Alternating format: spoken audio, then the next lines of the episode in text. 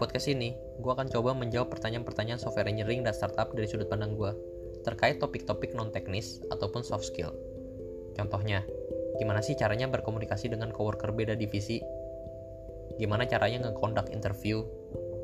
Ataupun apa aja sih yang perlu disiapin biar interview di perusahaan teknologi atau startup bisa sukses? Cara breakdown task yang oke, okay, mentoring, one-on-one meeting, belajar teknologi baru, dan lain-lain kebetulan gue udah bertemu banyak orang dari engineer yang jago banget engineer yang rising star ataupun yang biasa-biasa aja. Dari sana gue ambil kesimpulan kalau lu mau sukses di kerjaan 75% nya itu ditentukan oleh soft skill lu. Jadi jago ngoding aja nggak cukup. Welcome to podcast jeda ngoding